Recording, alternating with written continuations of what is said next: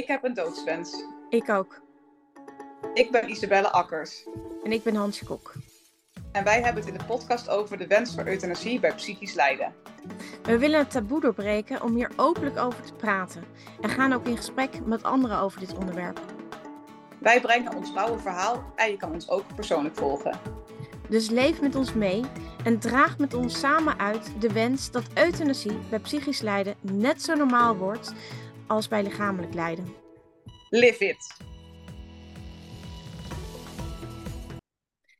Dit is uh, onze introductie tot de podcast die wij aan het opnemen zijn. En dat is, uh, daar vinden wij iets van. En waar vinden wij nou precies iets van, uh, Isabel? nou, hoe het nu tegenwoordig gaat met het euthanasietraject bij Centrum Euthanasie. Sowieso moet het taboe doorbroken worden, want erover praten is nogal moeilijk in deze maatschappij.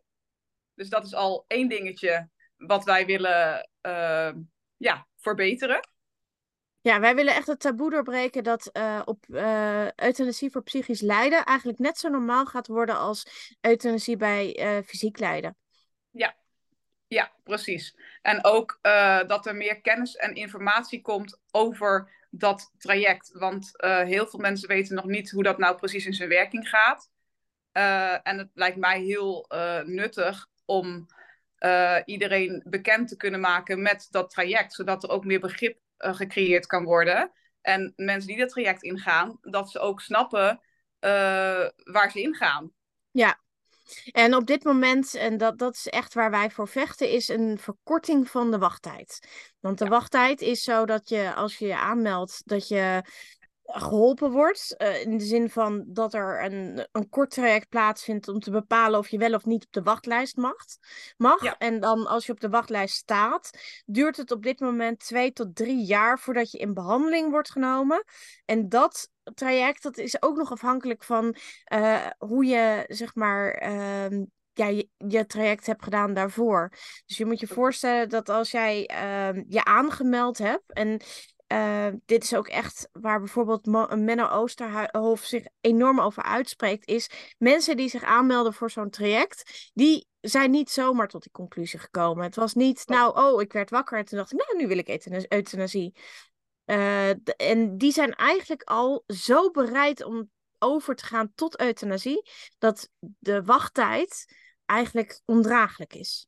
Ja, precies. Dus ook uh, hoe ga je daar vervolgens dan weer mee om?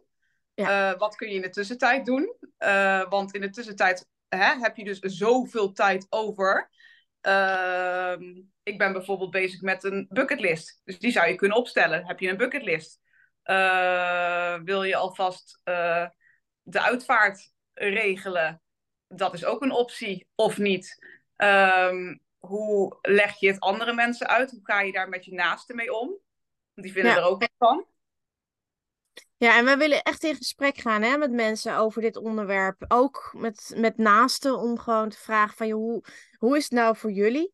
Uh, maar ook met uh, professionals die te maken hebben met uh, zeg maar mensen die chronisch suicidaal zijn. Of inderdaad aangeven van ja, nou ja, maar ik ben eigenlijk echt klaar met het leven. En uh, ja. hoe ga je daar dan in de praktijk mee om? Uh, er is nog steeds een verdeeldheid ook onder de psychiaters. De ene persoon concludeert inderdaad dat er sprake is van psychisch lijden zodanig dat er uh, overgegaan kan worden tot euthanasie.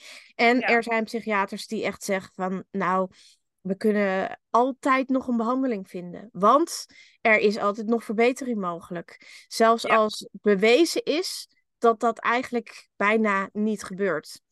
Uh, en ja, het is ook interessant om dan een aantal van dat soort uh, mensen natuurlijk in onze podcast uh, te vragen om daar mee in gesprek te gaan.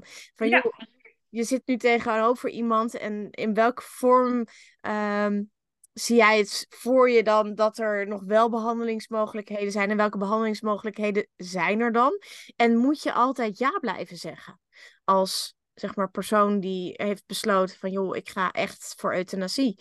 Moet je ja, ja blijven zeggen, uit en treuren om maar gewoon het vinkje te krijgen.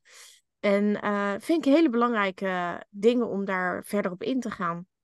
Ja, en ook een stukje wat, wat ik ook heel belangrijk vind. Uh, je verliest uh, hoogstwaarschijnlijk mensen om je heen ga, gaandeweg in dit proces. Ja. Uh, en ook dat is weer een vraagstuk van hoe kan je daar dan het beste mee omgaan? Ook gezien de tijd die je dan nog hebt, hè, dan kan je het, het beste kiezen eigenlijk voor de mensen die wel om je heen blijven staan. En het geluk en, en de lol die je nog kan hebben. Ja. Uh, dan je vastklampen aan, aan mensen die dat niet met jou kunnen. Meer. Klopt. Ja, en dan uh, wilden we ook vooral ook de weergave doen van hoe eenzaam het eigenlijk is om te leven met een wens voor euthanasie. Maar ook hoe eenzaam het is om te leven met de psychische aandoeningen. Hoe eenzaam het is gewoon om zo'n traject te gaan. Dus ook eenzaamheid zal echt wel een soort van uh, codewoord worden tijdens onze podcasten. Uiteraard, ja. En een ander codewoord, dat is humor, toch? Ja, ja, die moet erin. Want anders dan uh, ga ik gelijk de kist in. Ja. Ja, ja, op welke manier dan ook. Precies. Om vervolgens er weer uit te komen van ja, hè, het was nog niet mijn tijd. Lig ik hier een beetje te wachten op dat infuus? Komt het niet? Komt er nog wat van? Ja, hup, even een beetje opschieten. Ja, nee, humor is wel echt ons ding, toch? Ja, ja, dat hoort. Want anders dan, uh, hè, het is al slopend om te wachten. Dan kan je er maar het beste een feestje van maken. Ja, en um, ondertussen zeg maar, ben je ook in gesprek met de stichting KEA. En ja. die gaat ook een beetje door onze podcast uh, heen lopen, toch? Ja, klopt. Want daar heb ik recentelijk contact mee opgenomen. En daar gaan we een soort van samenwerking mee aan ook. Om dit taboe ook echt te gaan doorbreken. En hopelijk van daaruit ook dat er in de toekomst, en ik hoop in de nabije toekomst, dat er echt, uh, ja, of uh, dat Centrum Euthanasie geholpen wordt met de wachttijden, of uh, wat Dieneke me ook aangaf, dat er nog een ander specialistisch traject bij kan komen. want niet alles hoeft dan naar Centrum Euthanasie te gaan. Dan kan er een netwerk van psychiaters en professionals komen Huisartsen die snappen er sowieso niks van. Dus huisartsen hoeven die aanvraag dan ook niet te doen. Uh, en ook geen uh, euthanasie te verlenen. Dat moet echt binnen een soort specialistische zorg gaan komen. En ik duim erop, wij duimen erop, dat dat in de nabije toekomst toch wat ja, meer in opkomst mag gaan komen in ieder geval. Zodat ja. er meer mensen geholpen kunnen worden en sneller. Ja, ik ben het helemaal eens. Dus, en dit is dus eigenlijk waar onze podcast over gaat. En wat ik wel als disclaimer mee wil geven, mocht je nou getriggerd raken door wat wij zeggen. En als je nou denkt van ja, maar dit vind ik heel moeilijk of ingewikkeld. Zorg dan dat je of uh, bij je eigen mensen in je omgeving, of uh, bij je psycholoog psychiater of huisarts terecht kunt om, om je zorgen als die bij jezelf liggen te delen. Uh, ik geef ook altijd aan, dat doen wij ook. Wij zijn ook niet zonder therapeut. Wij zijn ook niet zonder huisarts die achter ons staat. Wij zijn ook gewoon uh, in dat opzicht altijd voor eigen zelfzorg. Omdat dat gewoon ja. heel belangrijk is. En ja, en mocht het nou acuut zijn, zorg dan in ieder geval dat je weet dat het landelijke nummer voor, uh, voor zelfmoord is. als je daar last van hebt, 0900 0113. Um, dus doe aan zelfzorg. Wij zijn ja. niet, uh, uh, ja, wees belang, vind jezelf belangrijk genoeg om die zelfzorg toe te passen. Ja, want uh, uiteindelijk is iedereen het waard. En als je wil gaan, dan ga alsjeblieft op een humane manier. Ja, en daar pleiten we voor. Dat je niet jezelf ernstig hoeft te verwonden. Of dat het mislukt. Of dat het een uh, halfzachte poging is. Of dat je vrienden, familie of gezinsleden je moet laten vinden. Uh, nee, verschrikkelijk. Verschrikkelijk. Wij willen juist de humane vorm hierin terugvinden. Voor iedereen. Voor iedereen, ja.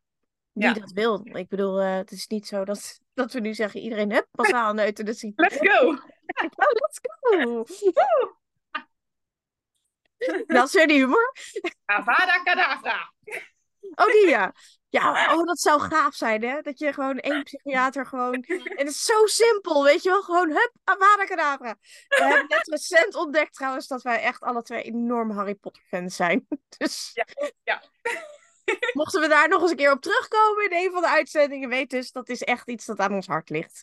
Ja. Um, Nou ja, we hebben dus al gezegd, uh, de tussentijd van joh, stel je dus een bucketlist samen. Maar het is ook gewoon de vragen die we in onszelf opvoelen komen, dat we daar dus eigenlijk gewoon mee aan de slag gaan. En dat we dan mensen zoeken die daar dus dan ook iets professioneels over kunnen zeggen. Ja, precies. Nou, daar sluit ik me aan. Ja, leuk hè? Nou, ik hoop echt dat iedereen nu uh, van uh, voelt. Nou, ik wil al die uitzendingen gaan uh, bekijken. we hebben dan onze podcast, daar vinden wij iets van. En daarnaast vlog jij ook apart jouw traject. En dat is gewoon te vinden als serie 1. En ik vlog ook apart en dat is te vinden als serie 2. Dus dan hebben we onze eigen series die mensen kunnen volgen. En die kun je gewoon allemaal vinden onder deze podcast. En uh, nou ja, hartstikke leuk als je ergens reacties wil geven. Likejes, duimpjes, uh, recensies. Uh, het maakt allemaal niet uit. Uh, super tof. Ja, heel fijn. Ja, doei. Adios.